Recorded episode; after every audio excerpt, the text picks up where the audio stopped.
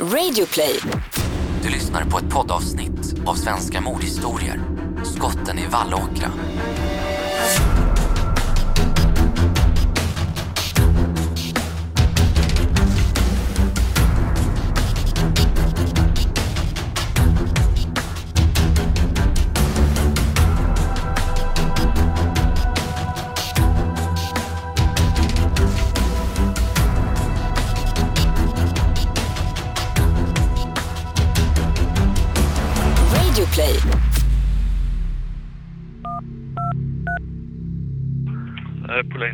Ja, hej på dig.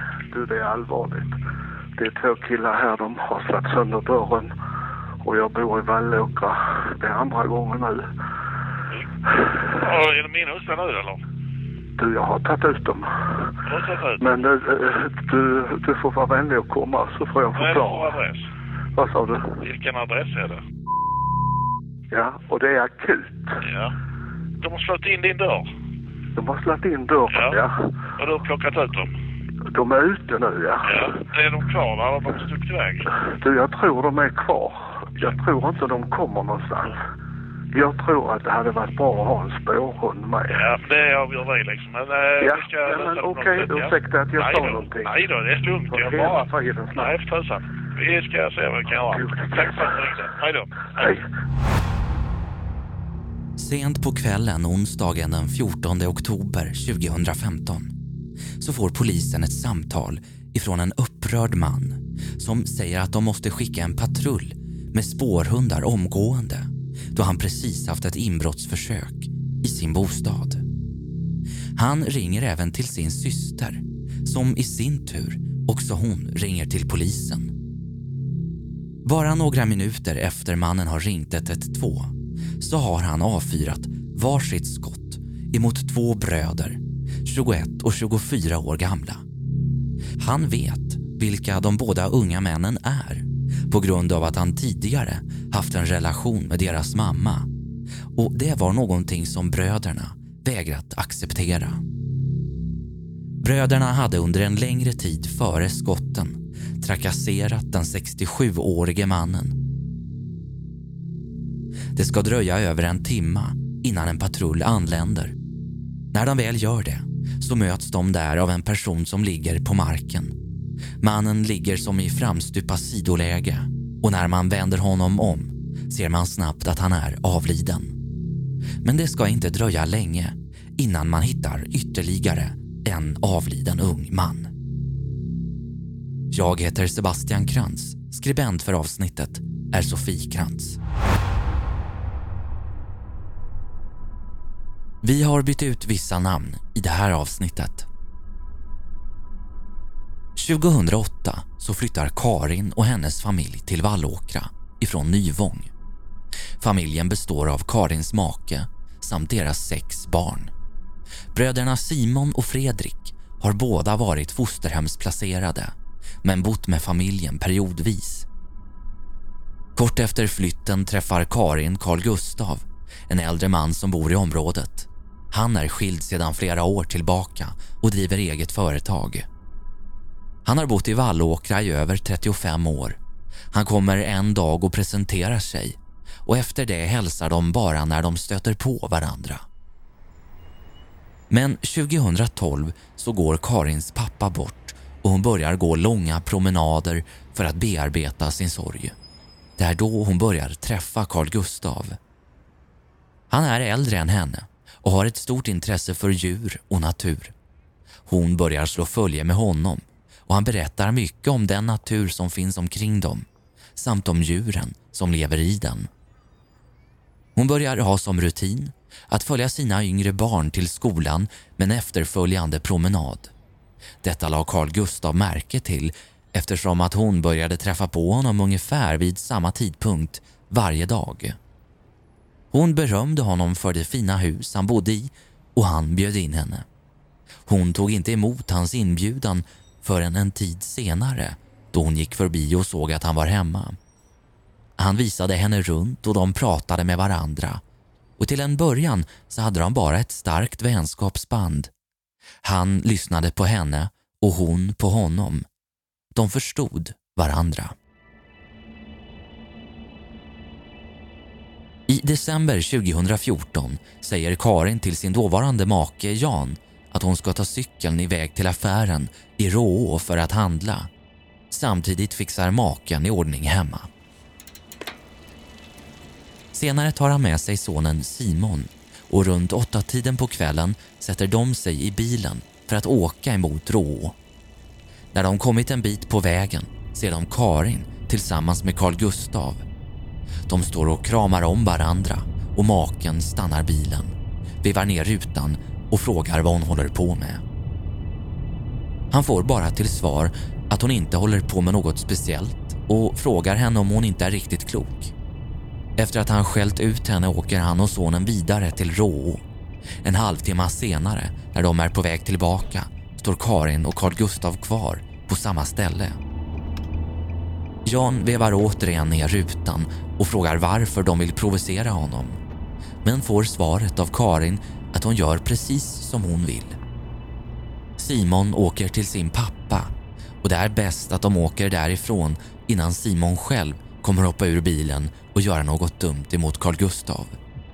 Efter den här händelsen tar Jan kontakt med en advokat angående skilsmässa. Vid det här tillfället hade sonen Simon redan kontaktförbud emot mannen och för att förstå varför ska vi backa tillbaka några månader.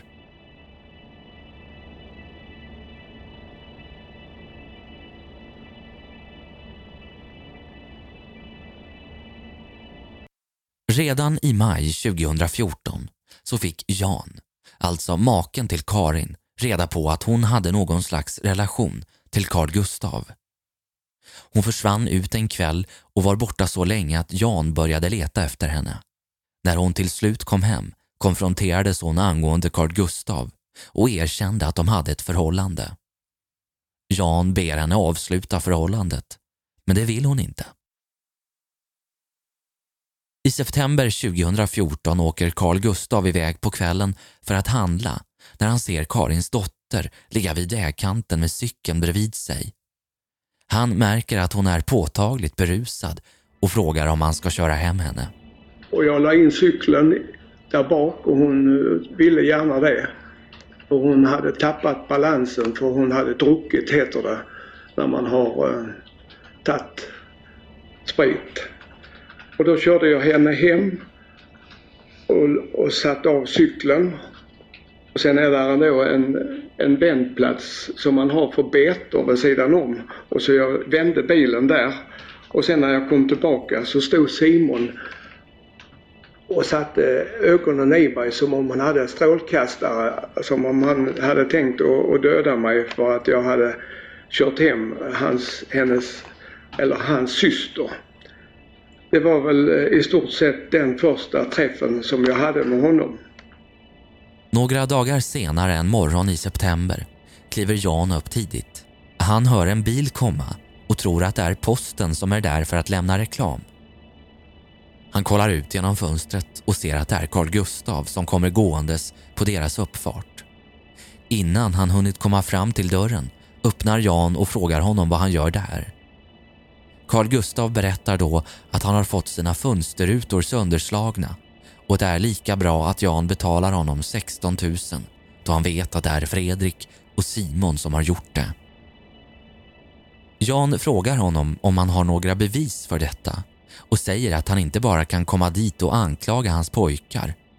Carl Gustav insisterar ändå på att det är bättre att de betalar för fönsterrutorna än att han blandar in polisen. Karin har då märkt att Carl Gustav är där och hon skickar ut pojkarna så att de själva kan prata med honom. Fredrik kommer ut först och Carl Gustav ställer sig emot honom, ansikte mot ansikte och ber honom erkänna att det är han som slagit sönder rutorna. Fredrik nekar och säger att han inte vet någonting om några rutor. Han fortsätter pressa Fredrik som håller sig lugn och fortsätter neka men vänder sig till slut om och går in i huset igen. Då kommer Simon ut och Carl Gustav gör likadant mot honom. Men Simon tappar fattningen och tar tag i Carl Gustavs kläder. Han tappar balansen och snubblar ner för trappan och gör illa sitt ben. Då går Jan emellan för att undvika ytterligare bråk. Carl Gustav börjar gå emot bilen samtidigt som han säger att han inte är rädd för någon. Enligt Carl Gustav så har Karin varnat honom för Simon och Fredrik innan den här händelsen. Att hon varit rädd att de ska slå sönder hans rutor eller skada honom på annat sätt. Karin hade hört sönerna säga att de skulle ta Carl Gustav och även sagt att de skulle döda hans hund.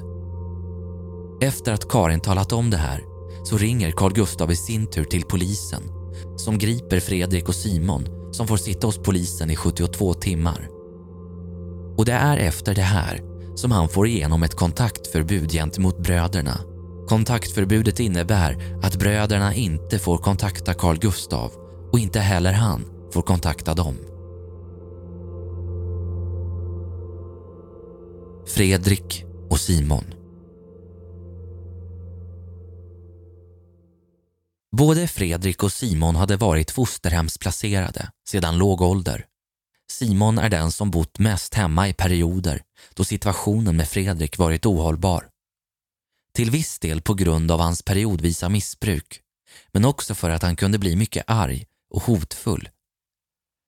Fredrik blev diagnostiserad med Aspergers när han var liten och vid nio års ålder blir han placerad i familjehem för första gången. Bröderna var mycket nära varandra redan när de var små och Simon saknade sin bror mycket då han fick flytta. Det dröjde inte länge innan Simons situation även den blev ohållbar för familjen. I mellanstadiet började han sticka iväg hemifrån och ställa till med mycket problem. Simon fick LVU men bodde hemma under några månader emellan gångerna som han blev placerad. Fredrik däremot bodde i fosterfamilj ända tills han blev vuxen och tog studenten. Men han kom alltid och hälsade på. Trots det så gick livet mest snett för Fredrik och han började missbruka. Under en period var han till och med hemlös. Han gick då till socialtjänsten och ville ha hjälp med boende men fick till svar att han fick sova hos kompisar. Vid den tiden hade han bränt alla broar med sina vänner och då bröt han sig in i en gammal avställd tågvagn mitt i vintern och började sova där.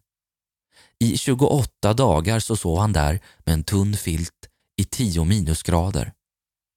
Till slut så blir han hittad av polisen och de följer med honom till socialen och efter det så får Fredrik ett boende. Både Simon och Fredrik förekommer i belastningsregistret och båda två hade problem med missbruk. Simon var dömd till försök till rån och misshandel, olaga hot och försök till misshandel. Medan Fredrik var dömd för narkotikabrott, misshandel och bedrägeri.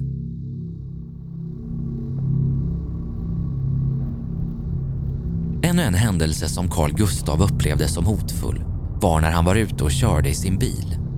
Då ser han i backspegeln att det ligger en bil mycket nära bakom honom. Som om det är någon som förföljer honom. Han ser att detta är Jan och Simon. Carl Gustav ringer då sin dotter och berättar detta och säger till henne om de slår ihjäl mig så vet du vart jag är någonstans. De följer efter honom till Helsingborg och ända fram till polishuset. Och där svänger Jan och Simon vänster istället. Jan förnekar att han ens visste om att det var Carl Gustav som låg framför utan påstår att han och sonen bara var på väg till Helsingborg för att titta på en motorcykel som Jan skulle köpa.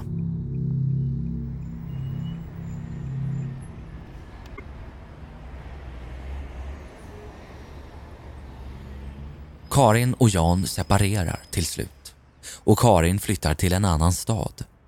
Kontakten med Carl Gustav fortsätter och han hjälper henne bland annat vid ett tillfälle att köra grejer.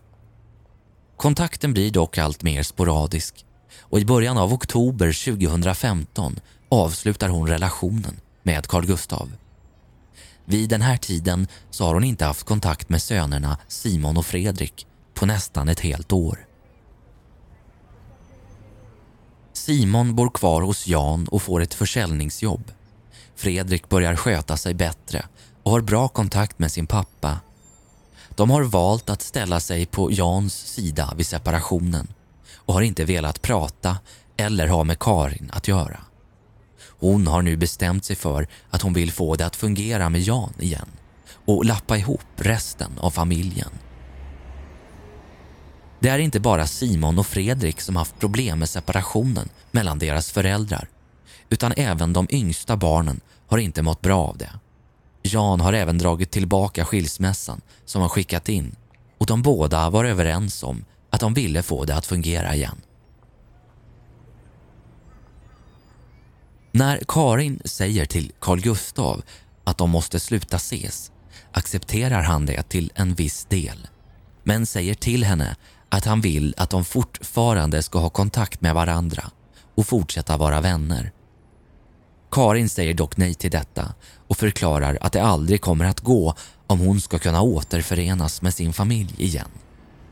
Hon får då till svar av Carl Gustav att hur mycket hon än vill så kommer ingenting kunna bli som det varit igen efter allting som har hänt.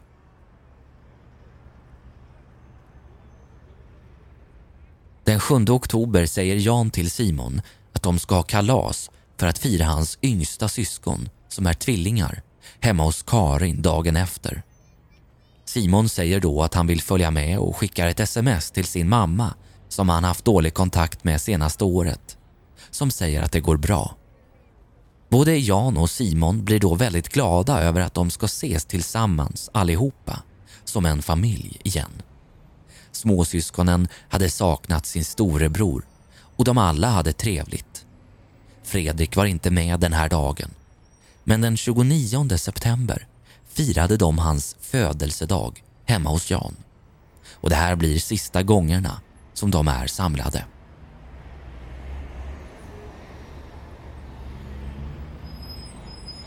Sista gången Jan pratar med Simon är på onsdagen den 14 oktober. Han skickar då ett sms till honom angående hans jobb då Simon varit lite nere de senaste dagarna på grund av att han fått ändrat löneavtal. De skulle prata om det när Jan kom hem ifrån jobbet vid 16-tiden. Men då hade Simon redan lämnat bostaden.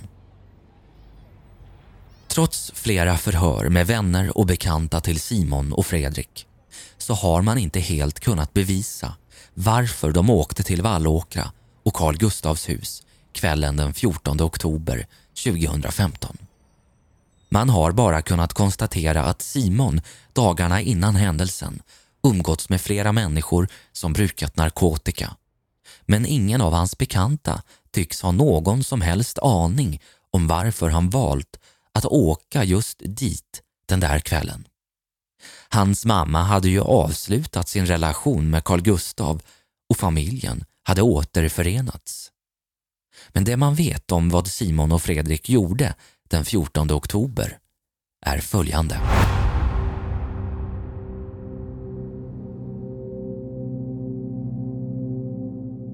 Bröderna har haft upprepade kontakter med varandra via både telefon och sms. Kontakterna inleddes under förmiddagen och genom sms så planerar de att träffas och Simon skulle möta Fredrik i Landskrona. Simon skriver till sin bror att de måste fixa pengar. Han får svaret att de borde utföra ett rån. Under dessa kontakter befinner sig Fredriks telefon i Landskrona och Simons i Vallåkra. De bestämmer en tid senare att ses och vid 21.27 syns de båda på övervakningsfilmer ifrån knutpunkten. De kommer söderifrån vid Bussön. Via övervakningsfilmen har man kunnat se att de även har sällskap med en tredje person som de verkar känna. Denna person avviker sedan och bröderna fortsätter genom knutpunkten och över rulltrapporna ned mot tågspår 4. Och där kliver de ombord på ett tåg då klockan är 21 och 29. På filmerna ser man även att bröderna bär varsin mörk axelremsväska. Enligt tidtabellen anländer de till Vallåkra 21.45. Väskorna som de bär på övervakningsfilmerna kommer senare ej att återfinnas. Vid ungefär 22.30 den här kvällen kommer Carl Gustav hem efter att ha varit i Karlshamn större delen av dagen och arbetat. Han kliver ur sin bil och släpper ut sin hund Sissi som börjar skälla och markera vid gräset. Han bryr sig dock inte om detta vid tidpunkten då det hänt förut att hon skällt när det inte funnits någonting där. Och i två omgångar bär han grejer ifrån bilen in i huset. När han är färdig med detta går han ner i källaren och klär av sig. När han är på väg upp för trappan hör han ett klampande vid ytterdörren och ser att det står två män där. Direkt går Carl Gustav till sin fasta telefon och ringer sin syster och talar om att han är på väg att få inbrott och att det är två män som försöker slå sönder rutan vid ytterdörren. Systern ringer då i sin tur till polisen. Han tar sina nycklar och går och öppnar sitt vapenskåp för att ta fram ett gevär som han kan skydda sig med. Han sätter i två patroner och med det laddade geväret går han ut i hallen och mot ytterdörren. Han skjuter två skott mot det krossade fönstret och plötsligt blir det fullkomligt tyst. Vi ska nu lyssna på Carl Gustavs samt hans systers larmsamtal. Ljudupptagningen är autentisk och är det verkliga larmsamtalet. Polisen? Ja, hej på dig. Du, det är allvarligt. Det är två killar här, de har slagit sönder dörren och jag bor i Vallåkra. Det är andra gången nu. Ja, är det min hustru nu eller? Du, jag har tagit ut dem. Du har tagit ut? Men eh, du, du får vara vänlig och komma så får jag Vad är det för förklara. adress? Vad sa du? Vilken adress är det? Ja, och det är akut. Ja. De har slått in din dörr. De har slagit in dörren, Ja. ja. Och du har plockat ut dem. De är ute nu, ja. Ja. Är de kvar där har de stuckit iväg? Du, jag tror de är kvar. Jag tror inte de kommer någonstans. Jag tror att det hade varit bra att ha en spårhund med. Ja, det avgör vi liksom. Men eh, Ja, ska ja, men okej, ja. ursäkta att jag Nej sa då. någonting. Nej då, det är lugnt. För Jag hela bara... tiden snabbt. Nej, för tusan. Vi ska se vad vi kan göra. Tack för att du ringde. Hej då. Hej. Det första samtalet från 68-åringen kom till polisen strax före klockan 11 på kvällen. Några minuter tidigare hade mannen ringt sin syster och berättat att någon håller på att göra inbrott i hans hus. Han hör hur fönsterrutan i ytterdörren krossas medan han pratar med systern i telefon. Mannen öppnar en kökslåda och tar upp nycklarna till sitt vapenskåp. Hans syster ringer till polisen ungefär samtidigt som han själv. Ja, det är polisen. Ja, hejsan, mitt namn är min bror som bor i Vallåkra. Ja. Han har ringt mig och han har kommit hem och hans eh, fönster är sönderslaget igen. Han har tidigare polisanmält detta. Han har dessutom eh, hjärtsvikt så han var väldigt på, påverkad så han bad mig att ringa er. Eh, Alltså han har inte haft inbrott där då, eller så eller? Han kom bara hem nu och var väldigt, väldigt rädd här. Mm. Ja, jättebra. Vi åker dit eller? Ja, tack snälla du. Tack snälla du. Tack. Hej. Hej, hej. Men tiden går och ingen polispatrull dyker upp. Knappt 20 minuter efter mannens larmsamtal ringer polisen upp honom. Ja, hej på dig. Ja, hej du. Det är polisen här. Ja, Du, vad händer där nu? ja nu är det så att eh, eh, jag har släckt ner nu och, och jag tror du hittar dem här ute. Skulle de vara där ute då, eller? Ja, men de eh, troligtvis har mycket, mycket problem med att komma därifrån. Exakt en timme efter de första två larmsamtalen från 68-åringen och hans syster ringer systern på nytt upp polisen. Polisens ledningscentral Andy. Jag ringde ungefär för en timme sedan angående min bror i Vallåkra utanför Helsingborg och det har gått nästan en timme nu och han, eh, ni skulle ju komma dit. Ja, det ligger här, men vi har tyvärr haft, eh, inte haft någon bil ledig här.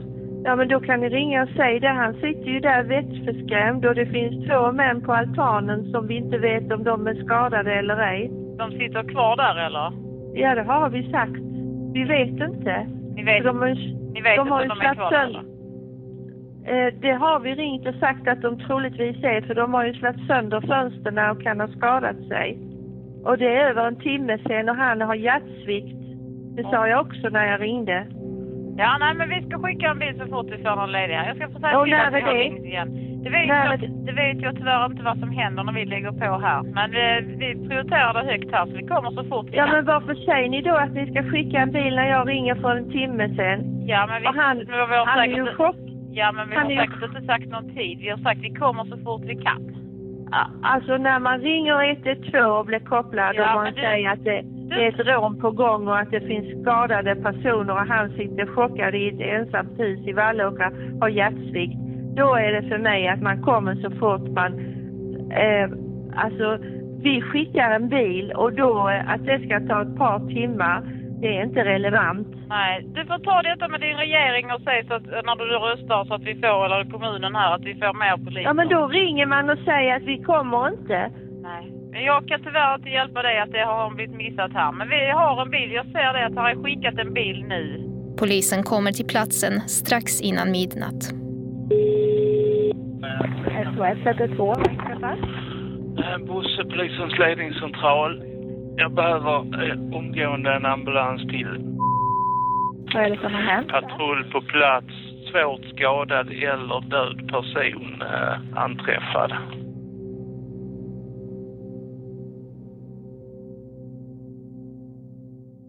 Berättelsen fortsätter och vi vill nu varna känsliga lyssnare för detaljer som kan uppfattas som stötande.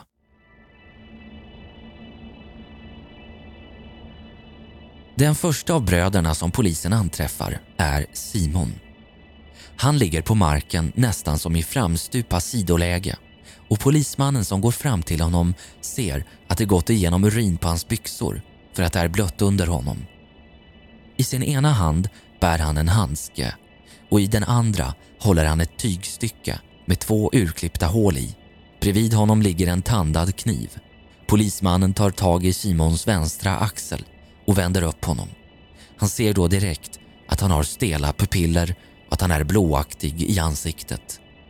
Han fortsätter sen med att känna på pulsen och konstaterar att han är död. På marken till vänster om honom ligger ett järnrör. Polisen höjer efter anträffandet av den första kroppen beredskapen och mantlar sina vapen. De ser att Carl Gustav rör sig inne i huset och ropar växelvis polis. Kom ut med händerna över huvudet.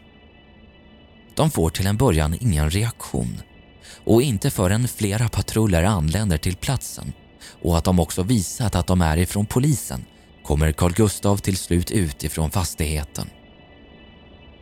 När polisen håller på att avspärra platsen anträffar man till slut Fredriks döda kropp. Han ligger på ett liknande sätt som Simon och har en skada i ryggen. Det rinner även lite blod ifrån hans näsa. Omkring Fredriks huvud och panna sitter ett svart tygstycke med urklippta hål i. Både polis och ambulans konstaterar snabbt att även Fredrik är avliden. Carl Gustav grips och förs omedelbart till Helsingborg. Han förs ganska snabbt till sjukhus på grund av hans puls och att han lider av hjärtsvikt. Under nattens gång hålls de första förhören på sjukhuset. När han delges misstanke om mord bestrider han det bestämt och hävdar nödvärn. Han säger att de hade slagit ihjäl honom om han inte hade agerat som han gjorde. Men Carl Gustav häktas redan på lördagen efter skotten. Han berättar också att de skrek “Nu ska vi ta dig din jävel”.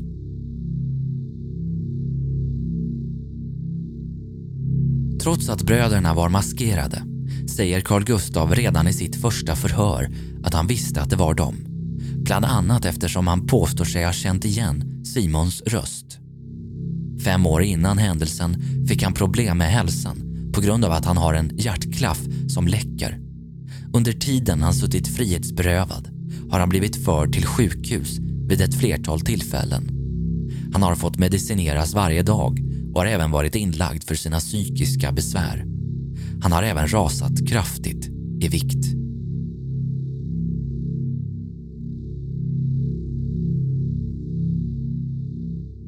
Den 4 maj 2016 väcks åtalet mot Carl Gustav och den 16 maj inleds rättegången i tingsrätten där Carl Gustav står åtalad för dubbelmord.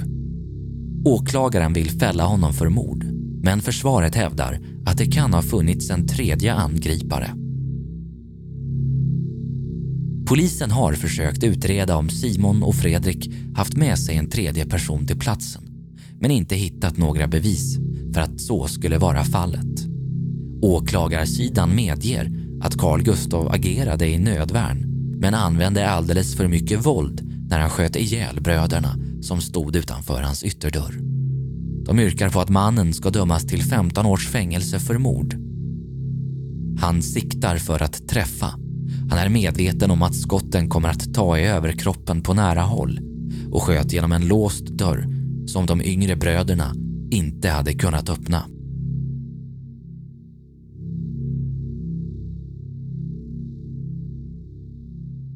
Under rättegångens sista dag försätts Carl Gustav på fri fot i väntan på dom. Han är då fortfarande misstänkt för två mord, men rätten anser att häktningsskälen inte är tillräckliga och den 29 juni kommer tingsrättsdomen. Carl Gustav döms till fyra års fängelse för dråp. Minimistraffet för dråp är sex år, men straffrabatt ges på grund av hans höga ålder och hälsoproblem. Både åklagarsidan och försvaret överklagar domen och den 10 januari 2017 inleds hovrättsförhandlingarna. Åklagarsidan yrkar nu på att Carl Gustav ska dömas till nio års fängelse medan försvaret vill att han ska frias eftersom han agerat i nödvärn utan uppsåt. Den 1 februari kommer domen och hovrätten väljer att sänka straffet till två års fängelse för dråp. Men försvaret nöjer sig inte med denna dom och begär resning till Högsta domstolen och vill fortfarande att Carl Gustav ska frias helt ifrån brottsmisstankar, men de får avslag. I december 2017 ansöker Carl Gustav om nåd. Han vill att regeringen ska omvandla hans straff till frivårdspåföljd eller sex månaders fängelse och ta hänsyn till hans ålder och hälsa. Carl Gustav har fortfarande inte påbörjat sitt straff och är i väntan på besked. Du har lyssnat på svenska mordhistorier om skotten i Vallåkra. Skribent för det här avsnittet är Sofie Krantz och all information är hämtad ifrån domar, förundersökningsprotokoll samt artiklar ifrån nyhetssajten Omni. Jag heter Sebastian Krantz.